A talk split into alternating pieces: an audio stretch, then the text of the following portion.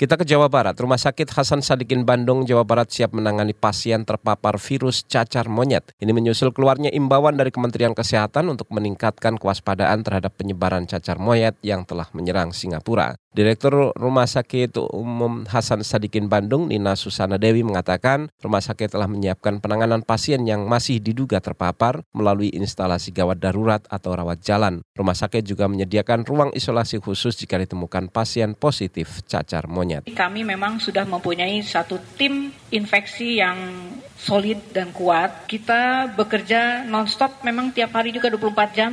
Apabila memang nanti ada pasien, kita sudah siap termasuk Direktur Utama Rumah Sakit Umum Hasan Sadikin Bandung, Nina Susana Dewi menambahkan penyakit cacar monyet paling banyak menyerang anak-anak. Gejalanya mirip dengan cacar seperti demam, sakit kepala hebat, pembesaran kelenjar, getah bening, dan nyeri. Sejauh ini kematian akibat penyakit cacar monyet kurang dari 10% dari kasus yang dilaporkan.